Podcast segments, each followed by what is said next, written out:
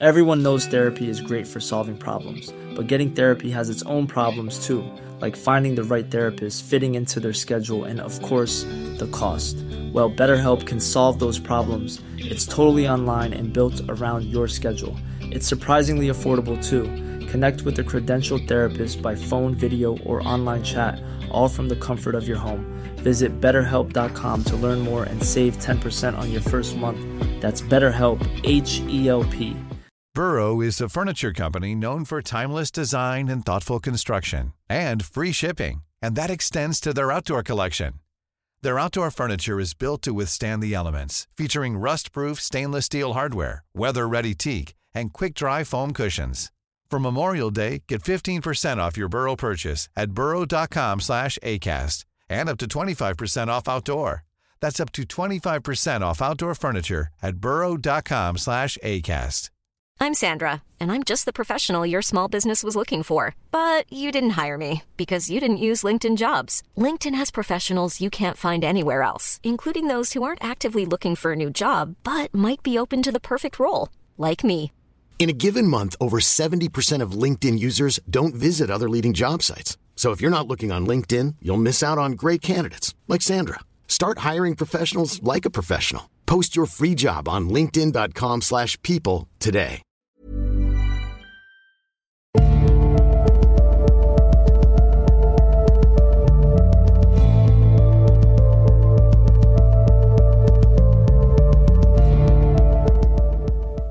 Hei og velkommen til Tåkeprat. Jeg heter Even, og når jeg tar opp denne episode 104, så er det søndag den 12. mai 2019. Da fikk jeg denne episoden ut med nød og neppe. Jeg ser for meg at jeg i tiden fram til sommeren kommer til å være nødt til å legge inn noen flere 14-dagerspauser enn normalt. Dette skyldes at jeg er midt i prosessen med å selge boligen min, og jeg er nødt til å ta noen grep her for å gjøre den så presentabel som mulig for megler og takstmann. I tillegg til at jeg er nødt til å kvitte meg med ting og tang. En prosess jeg neppe kommer til å bli ferdig med før sommeren er på hell. Men på sikt så er nok dette en bra ting med tanke på podkasten. Jeg har nemlig planer om å flytte for meg selv til en liten leilighet som krever minimalt med vedlikehold, slik at jeg kan dedikere mer tid til tåkeprat. Nå er det alvor her, altså, når jeg tilpasser boforholdene mine til podkasten og bygger meg en slags podkasthule. Så fra høsten av så kan jeg forhåpentligvis pøse på med en ny rekke med ukentlige episoder. Om alt går etter planen, riktignok. Klok av skade så tenker jeg å selge før jeg flytter. For de av dere som har vært gjennom prosessen med å kjøpe og så selge etterpå, så vet dere åssen det kan gå, og mengden med stress som gjerne går med i den prosessen. Jeg skal ikke plage dere så altfor mye med min flytteprosess, men jeg tenkte det kunne være greit å gjøre dere oppmerksomme på at dersom det blir noe sprik i episodeutgivelsen denne våren, så skyldes det begrensning i antall timer i døgnet og sjonglering mellom jobb, flytting og podkast, og ikke latskap fra min side. Men jeg skal gjøre mitt ytterste for å få gitt ut episoder jevnt og trutt, fram til jeg tradisjonen tro tar en liten sommerferie for å sette meg inn i høstens materiale. Og én ting er sikkert, vi skal i alle fall komme oss gjennom livet til Rasputin, i tillegg til noen andre tema jeg har på programmet denne våren. I denne episoden så skal vi blant annet se litt nærmere på en hendelse som markerte begynnelsen på slutten for det russiske monarkiet og Rasputin. Utbruddet av den store krigen.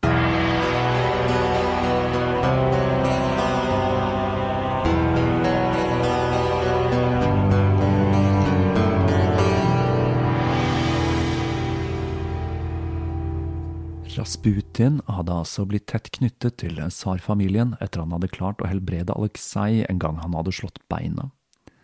Og det samme skulle skje i midten av september 1912. I løpet av en tur til Polen så hadde Aleksej og Anna Virjebova tatt en tur med hest og kjerre på den polske landsbygda.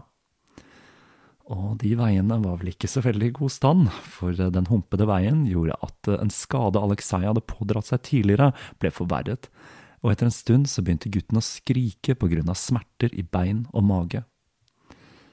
Da han ble undersøkt av lege, så viste det seg at han hadde alvorlige indre blødninger som ikke kunne stoppes.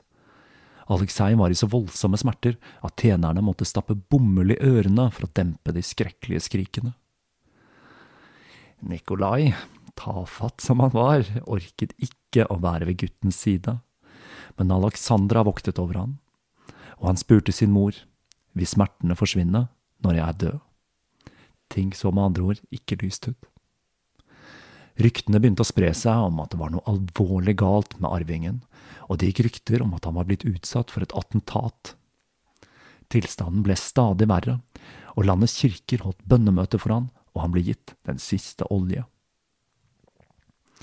Det er verdt å merke seg at det at han var bløder, var noe som ikke ble nevnt i de ulike pressemeldingene, og nettopp det fakta, og det at familien valgte å holde dette hemmelig, og med det også Rasputins rolle som Alexeis helbreder, var med på å styrke ryktene og spekulasjonene rundt rollen til denne skjeggefransen. Når alt var som mørkest, bestemte Alexandra seg for å prøve en siste utvei. Hun telegraferte Rasputin i Pokrovskoje. Rasputin svarte nesten med en gang. Han skrev at gutten ville klare seg, og at det var best om ikke legene tuklet for mye med han. Neste dag var gutten fremdeles dårlig. Alexandra telegraferte han igjen, og igjen så forsikret han henne om at Alexei ville bli bra. Og det ble han.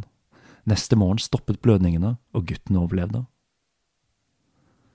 I tillegg til å være tsarfamiliens spirituelle veileder og Alekseis helbreder, skulle Rasputin også hatt en innflytelse på Russlands utenrikspolitikk når den første Balkankrigen blusset opp etter Montenegro erklærte krig mot det osmanske riket. Russland ble grepet av krigstørst, og folk krevde at Russland skulle delta i krigføringen sammen med sine allierte. Men Rasputin var en av de sterkeste stemmene i opposisjonen mot Russlands deltakelse i krigen. Han uttalte til russisk presse. Gud bevare oss og frels oss fra dette. Måtte Gud skjenke Russland friheten fra denne trusselen. Alle kriger, selv de man vinner, er fatale for fred og kjærlighet, for Guds nåde måtte Gud skjenke Russland og alle andre stater midlene til å unngå krig. All vår fokus bør rettes mot dette problemet. Ryktet om Rasputin som den som holdt Russland ute av krigen, spredde seg selv til utlandet og utenlandsk presse, og det var med på å styrke inntrykket av at Rasputin var den som trakk i trådene og styrte avgjørelsene til tsaren. Selv om det er høyst usikkert om Rasputin faktisk var den avgjørende faktoren som holdt Russland ute av krigen, så er det verdt å merke seg at han som en svært viktig politisk figur var en veldig aktiv krigsmotstander, noe vi skal se gjorde seg gjeldende flere ganger. Rasputin vendte tilbake til St. Petersburg i januar 1913, og i februar så deltok han i 300-årsmarkeringen av Romanov-familiens styre. En markering hvor dumaen til deres irritasjon hadde blitt plassert bakerst i katedralen. Han var under konstant overvåkning av politiet, som hadde gitt han kodenavnet Russeren. Og alle de som spanet på han, de hadde fått følgende beskrivelse. Mellom 35 og 40 år gammel. Over gjennomsnittlig høy. Middels bygget, russisk. Hår. Langt, lysebrunt.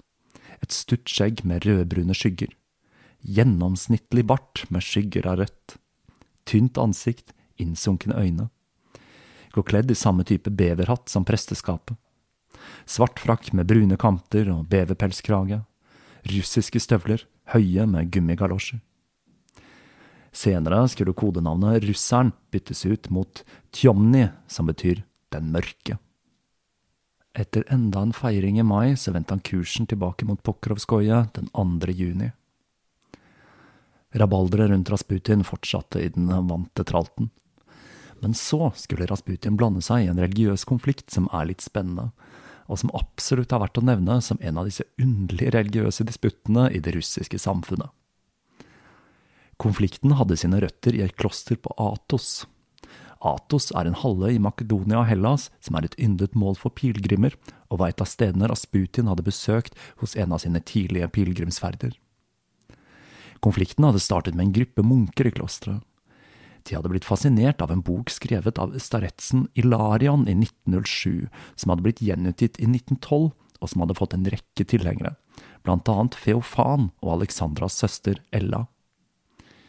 Ilarian, som var selvlært, hadde fått en åpenbaring, og han erklærte at selve navnet til Jesus Kristus var hellig, og at navnet i seg selv var Kristus.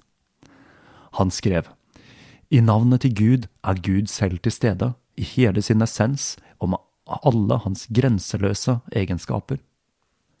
En gruppe munker på Atos hadde begynt å følge læren til Ilarion, og de fikk tilnavnet Imiaslavtsi, eller navnglorifisererne. Dette fyra selvsagt opp den ortodokse kirken, og etter erkebiskop Antony gikk til angrep på det i en artikkel i tidsskriftet Den russiske munken i 1912, sluttet flere stemmer seg til dette hylekoret, inkludert synoden og patriarken i Konstantinopel. De mente selvsagt at dette dreide seg om kjetteri og blasfemi.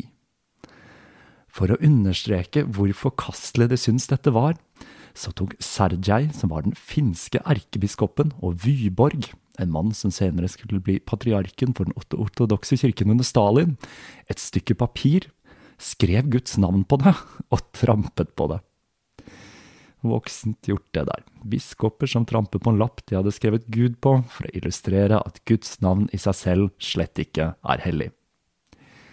I mai 1913 erklærte synoden navnglorifisererne som kjettere, og forlangte at de skulle si fra seg troen og følge den ortodokse lære. Men det gjorde de ikke. Og senere samme måned så henvendte synoden seg til Sai Nikolai og sendte erkebiskop Nikon og erkebiskop Vologda med et russisk krigsskip med mer enn 100 soldater for å få slutt på denne grusomme blasfemien. På Atos truet soldatene munkene, 833 i alt, om bord i skipet med våpen, og de ble skytlet tilbake til Russland. Der ble de brutt opp, noen ble fengslet, andre ble sendt til fjerntliggende kloster, og mange av dem måtte skrive under på ydmykende dokumenter der de frasa seg sin tro. Kirken erklærte dundrende suksess, slo seg på brystet og sendte beskjed til Nikolai om den vellykkede aksjonen den 17. juli. Senere samme dag så kommer Rasputin på besøk. Han var ikke like begeistret for hva som hadde skjedd med de mer enn 800 munkene. Selv så var han ikke så veldig opptatt av troen deres, men han følte nok en del sympati med dem, siden de på samme måte som han selv var blitt omtalt som en klystisk bevegelse. Dette førte til en underlig allianse, for flere av Rasputins motstandere tok også navnglorifisererne i forsvar, inkludert Feofan. Og det førte til en konspirasjon om at det hele hadde vært iscenesatt av Rasputin for å ødelegge ryktet til Feofan. Du snakker om galehus. Rasputin fulgte med disse munkene, og den 13. februar 1914 så organiserte han en audiens for noen av dem med Nikolai. Og på grunn av dette, sikkert med litt drahjelp fra Rasputin, så ba Nikolai synoden om å jekke seg ned et par hakk og tilgi 20 munker som skulle i retten for blasfemi den samme måneden. Dette førte selvsagt til en enda dypere splittelse mellom tsaren og kirken. Sammen med skandalen med Iljodor tre år tidligere, så kjølet dette forholdet til frysepunktet.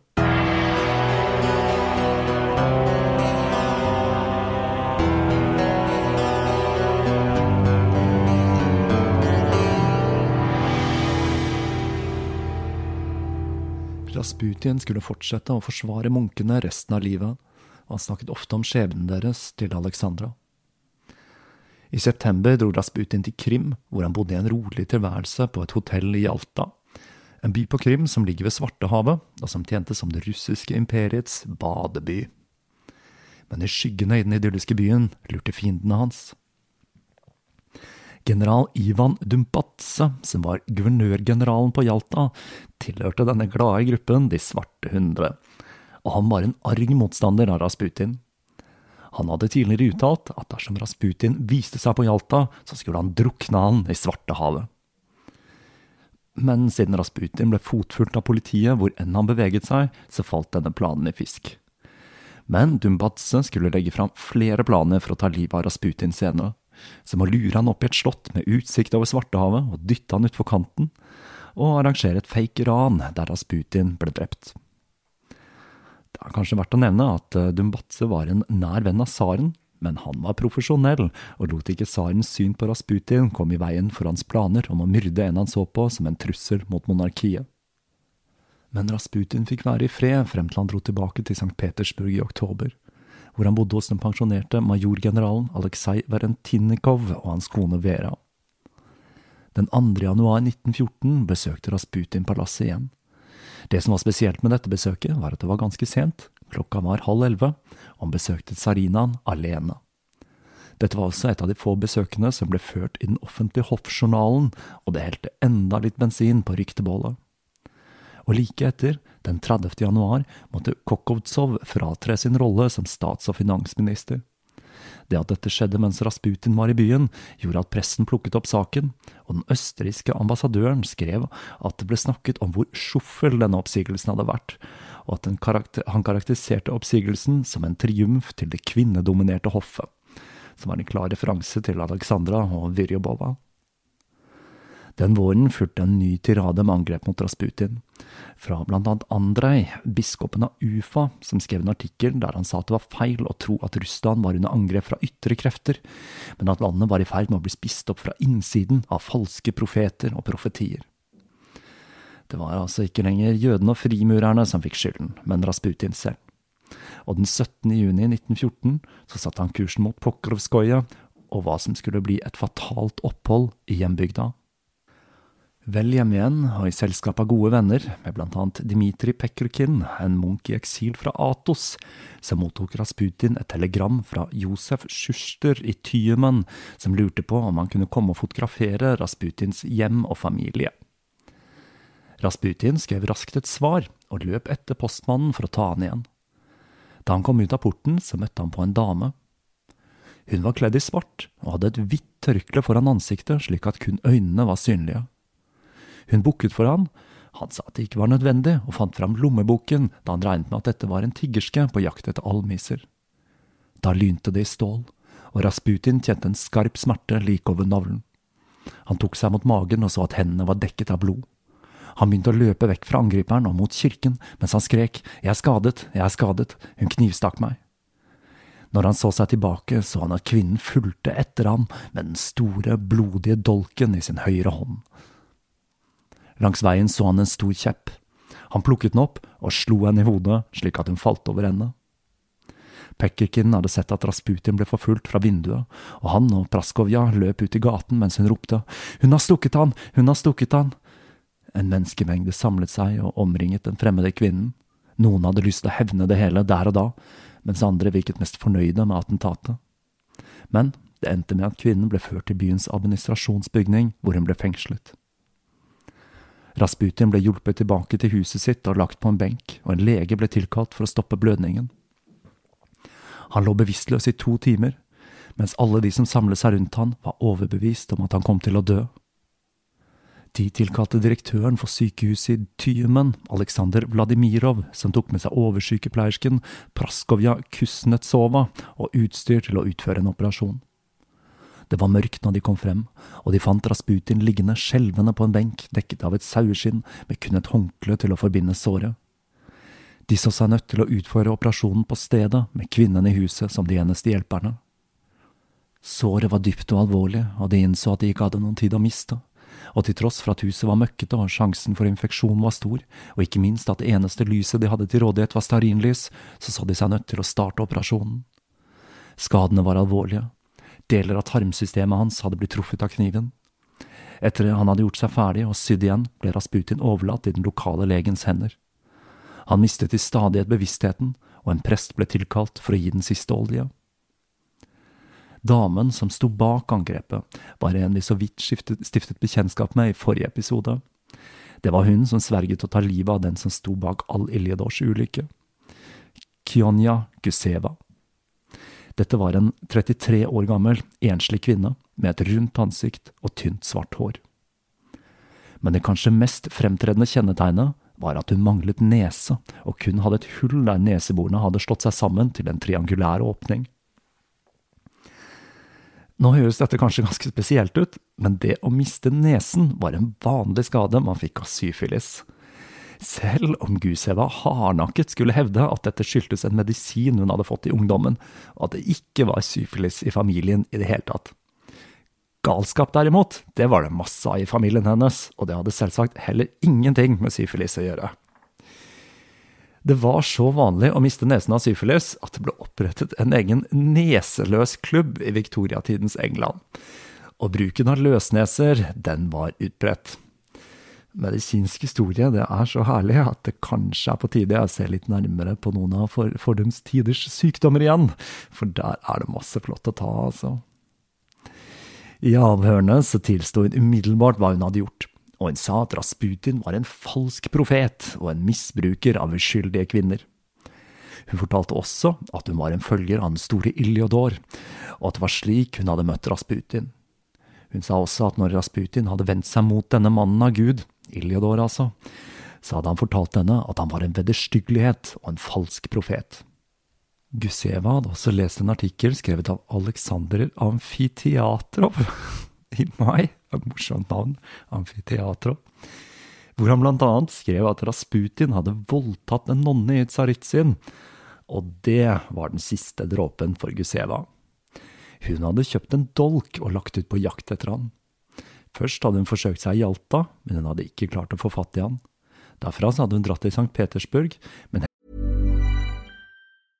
Hey, I'm Ryan Reynolds. At Mint Mobile, we like to do the opposite of what Big Wireless does. They charge you a lot, we charge you a little. So naturally, when they announced they'd be raising their prices due to inflation, we decided to deflate our prices due to not hating you. That's right. We're cutting the price of Mint Unlimited from $30 a month to just $15 a month. Give it a try at mintmobile.com slash switch. $45 upfront for three months plus taxes and fees. Promo rate for new customers for limited time. Unlimited more than 40 gigabytes per month. Slows. Full terms at mintmobile.com. How would you like to look five years younger? In a clinical study, people that had volume added with Juvederm Voluma XC in the cheeks perceived themselves as looking five years younger at six months after treatment. Look younger, feel like you. Add volume for lift and contour in the cheeks with Juvederm Voluma XC. Reverse signs of aging by adding volume to smooth laugh lines with Juvederm Volure XC. For important safety information and to find a licensed specialist, visit juvederm.com. That's J U V E D E R M.com. Not for people with severe allergic reactions, allergies to lidocaine, or the proteins used in Juvederm. Common side effects include injection site redness, swelling, pain, tenderness, firmness, lumps, bumps, bruising, discoloration, or itching. There's a risk of unintentional injection into a blood vessel, which can cause vision abnormalities, blindness, stroke, temporary scabs, or scarring. Talk to a licensed specialist to find out if it's right for you. heller ikke der hadde hun lyktes. Så hun satte kursen mot Pokrovskoje, hvor hun til slutt hadde fått anledningen til å myrde den forhatte Rasputin. Hun fortalte hvordan hun hadde levd en fattig tilværelse mens hun hadde jaktet på mannen Iljador omtalte som antikrist. Hun sa hun hadde livnært seg ved å tigge brød på gata og reparere klærne til sjøfolk når hun reiste med båt. Nyheten om at noen hadde forsøkt å ta livet av Rasputin, nådde snart pressen, og ryktene begynte å spre seg, først i Russland, og snart i Europa, og til og med i USA. Om ikke lenge så begynte ryktet om at han var død å sirkulere, og avisene begynte å trykke minneord til Rasputin. Men så, til manges frustrasjon, skulle det vise seg at Rasputin slett ikke var død, men klamret seg til livet i sykesengen i hjembyen. Tsarfamilien fikk beskjed om drapsforsøket via telegram fra Rasputins datter Maria, og Nikolai ba innenriksminister Maklakov om å intensivere overvåkningen av Rasputin og alle personene som han var i kontakt med. Den 2. juli ble Rasputin båret fra hjemmet sitt og til dampskipet Sukhotin, fulgt av en flokk kvinnelige beundrere, og han ble skytlet til sykehuset i Tyumen.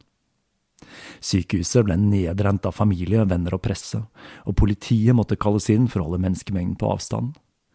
Rasputin fikk jevnlig telegrammer fra tsarfamilien og fra støttespillere fra hele Russland. Og han skrev selv et kryptisk telegram til Anna Vyrjebova, som hentyder at det var en konspirasjon bak dette drapsforsøket. Min kjæreste, hun er ikke alene, det står andre bak henne, se nøye rundt deg, de lager vanskeligheter på grunn av deres stolthet.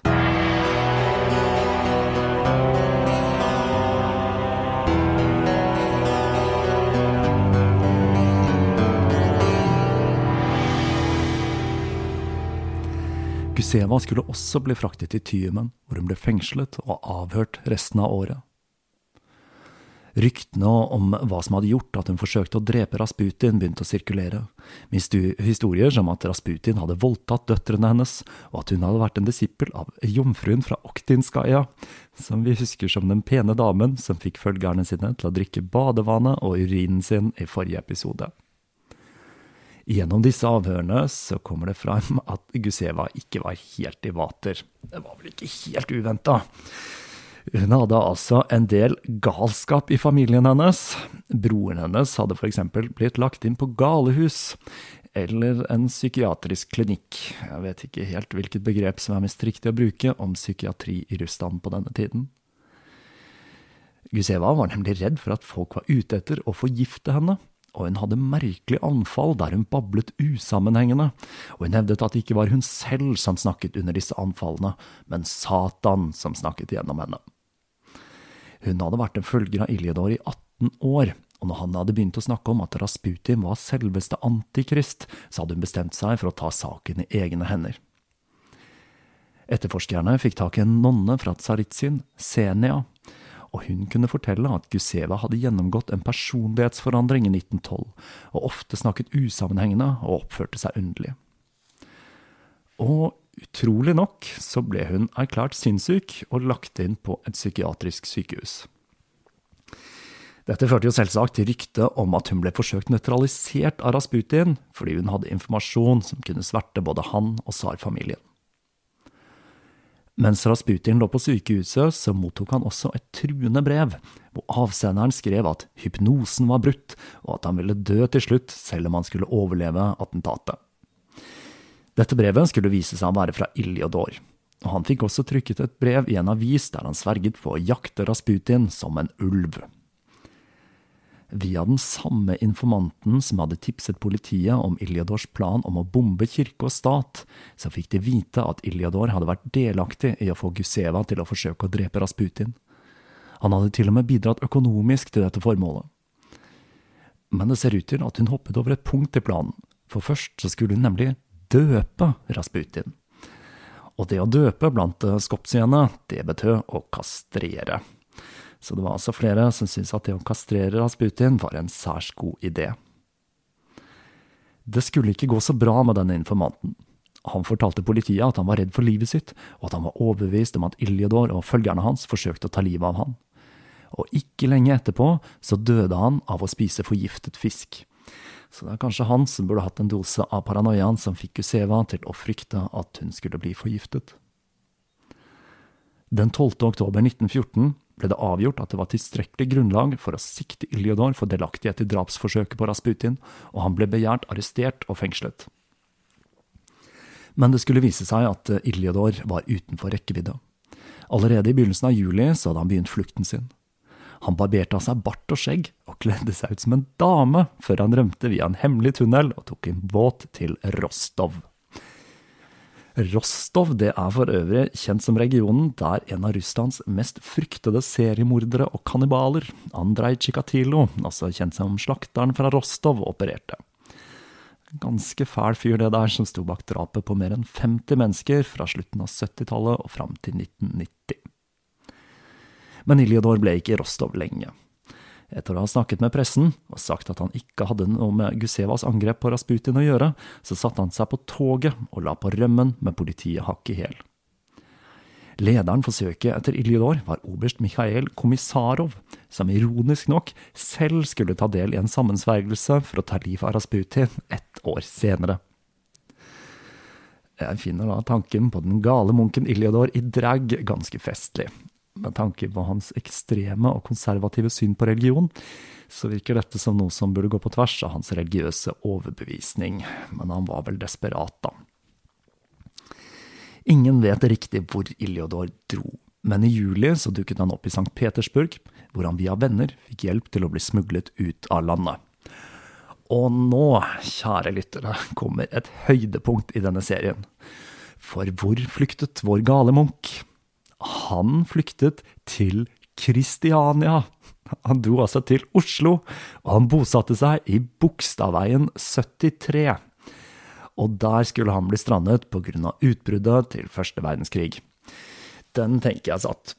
Fra sin nye leilighet så skrev han en rasende artikkel hvor han angrep Rasputin, og han begynte å skrive boken han hadde drømt om, Den hellige djevelen. Jeg ser for øvrig at Bogstadveien 73 i dag kan skilte med helsekost og dyrebutikk, og jeg går ut ifra at relativt få er klar over at dette en gang var bostedet til en av de mest krakilske figurene i, i tsarens Russland. Russiske myndigheter de opp å få fatt i Iljodor i juli 1915, og han forble en fri mann. Den store krigen meldte sin ankomst den 28. juni 1914, når erkehertug Frans Ferdinand ble skutt i Sarajevo. Det er for så vidt en spennende historie i seg selv, og en som skulle markere begynnelsen på slutten, både for Rasputin og det russiske monarkiet.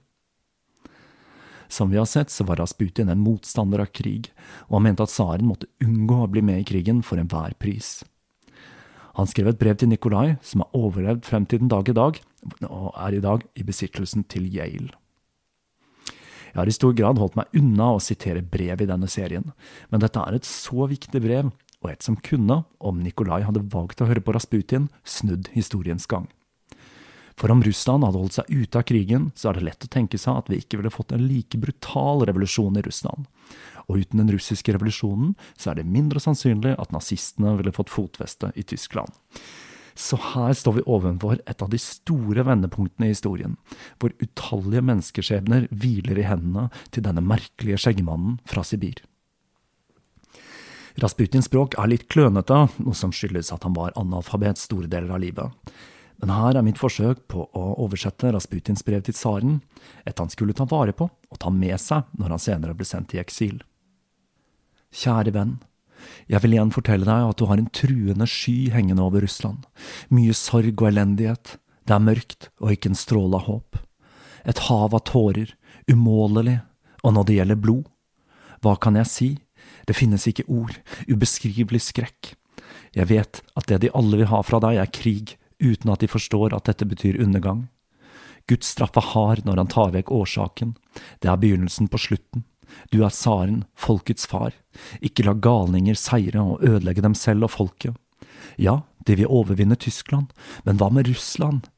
Hvis man tenker, så har aldri noen lidd slik som Russland, druknet i hennes eget blod. Ødeleggelsen vil bli stor, og sorgen endeløs. Grigori.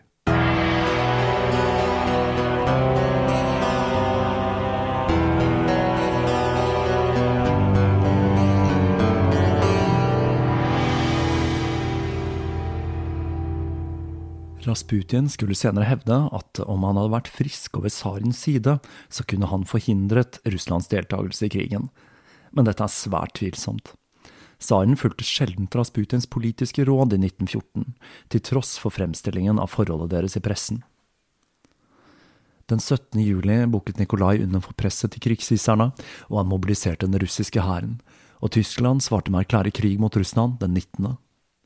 Når Alexandra fikk vite hva som hadde skjedd, så løp hun til kontoret til sin mann, hvor de to kranglet i en halvtime, før hun gikk gråtende tilbake til sitt eget rom, kastet seg på sofaen og sa nå er det hele over, vi er i krig, til Anna Vyrjebova.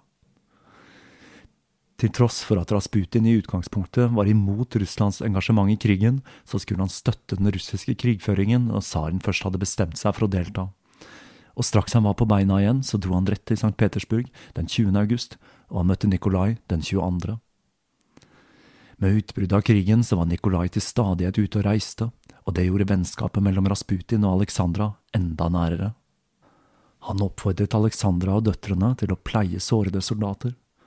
Han fortalte de at det ville gjøre underverker for moralen om tsarinaen selv kledde seg som en sykepleier og gjorde en innsats i krigen. Dette rådet fulgte de, men eh, hvordan Alexandra faktisk var som sykepleier, er høyst uklart.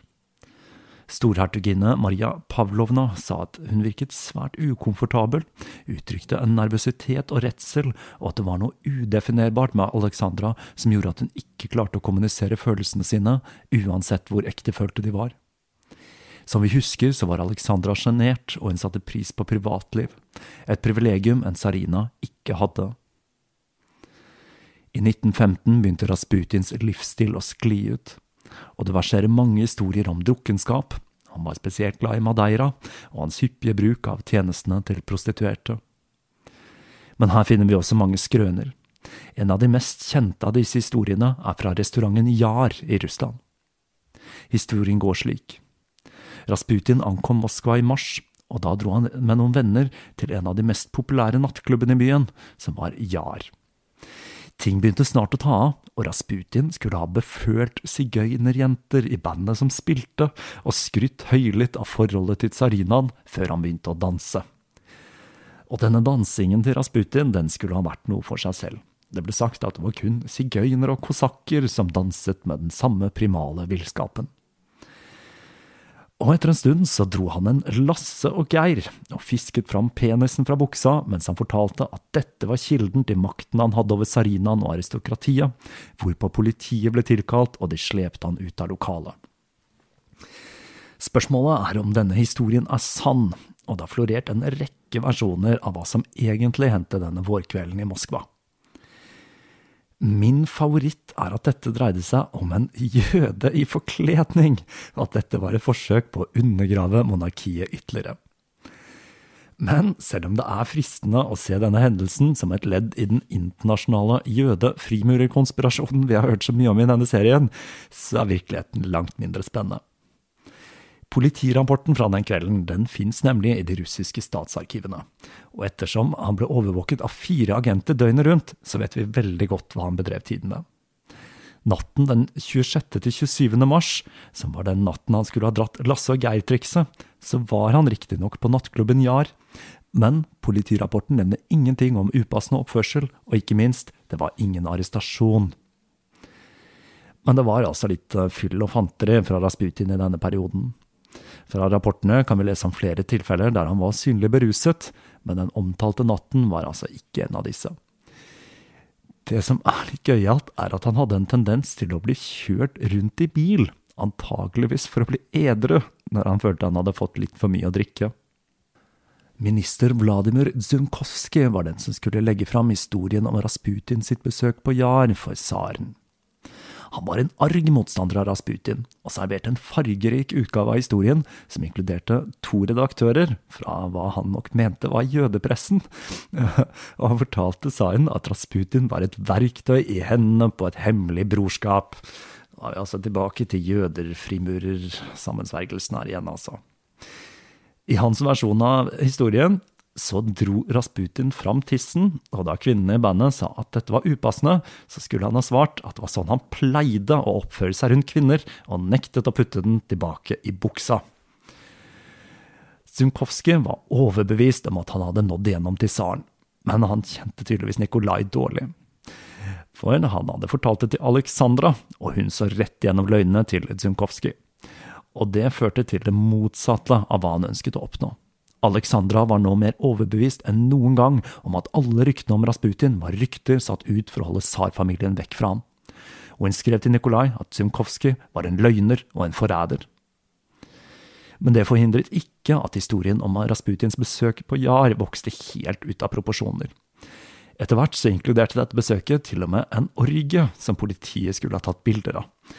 Men bildene var beleilig nok blitt manipulert av Rasputins følgere for å skjule identiteten hans.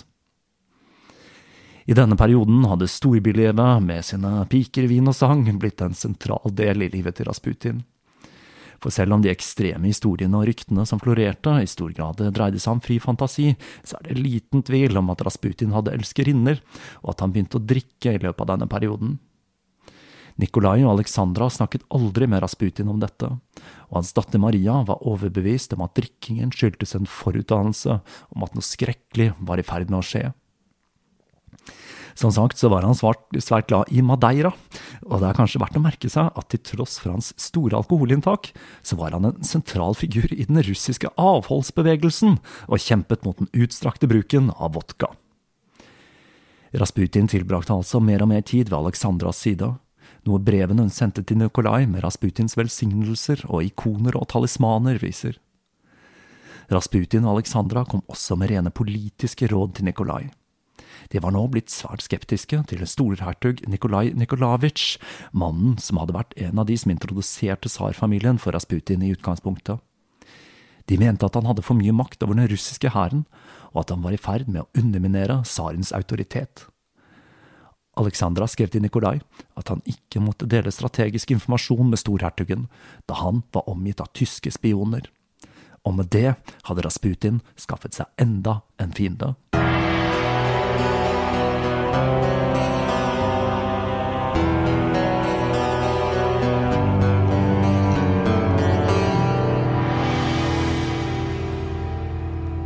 Og der avslutter vi den fjerde delen i historien om Rasputin. Som vi ser, så får jo ikke akkurat Rasputin flere venner mens historien skrider frem. Og rekken av de som ønsker han død, og aller helst kastrert først, den vokser etter hvert som årene går. Og allerede så kan vi vel slå fast at dette ikke var en av de mest politisk stabile stedene og tidene i historien. Og verre, mye verre skal det bli. Så får vi se da når den neste delen i denne serien dukker opp. Jeg vil nesten holde en knapp på at det blir 14 dager til, men jeg skal se hva jeg klarer å sette sammen i løpet av uka. 17. mai så er det jo fri, men det er en fare for at jeg må bruke den dagen på å rydde, så vi får se. I år så tenkte jeg også å innføre en ny 17. mai-tradisjon, nemlig å se Hva med Vennerøs Lucky. For stort norskere enn det kan det ikke få blitt. Og det å se Lucky iført bunad med norske flagg, føler jeg burde være minst en like essensiell del av dagen som det å gå i tog og vinke til kongen. Men det spørs om det blir en del av det offisielle 17. mai-programmet med det første. Da vil jeg som vanlig oppfordre til å følge podkasten i sosiale medier, gi en god rating hvor enn du hører podcaster, eller bli en patrion. Linker og info finner dere som vanlig på tåkeprat.com. På gjenhør.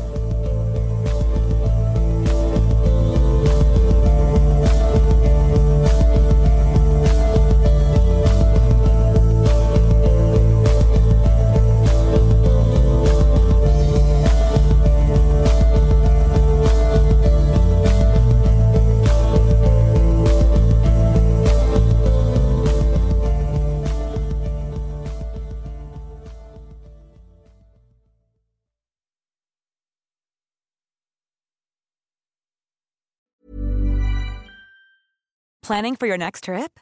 Elevate your travel style with Quince. Quince has all the jet setting essentials you'll want for your next getaway, like European linen, premium luggage options, buttery soft Italian leather bags, and so much more. And is all priced at 50 to 80% less than similar brands. Plus, Quince only works with factories that use safe and ethical manufacturing practices. Pack your bags with high-quality essentials you'll be wearing for vacations to come with Quince. Go to quince.com slash pack for free shipping and 365-day returns.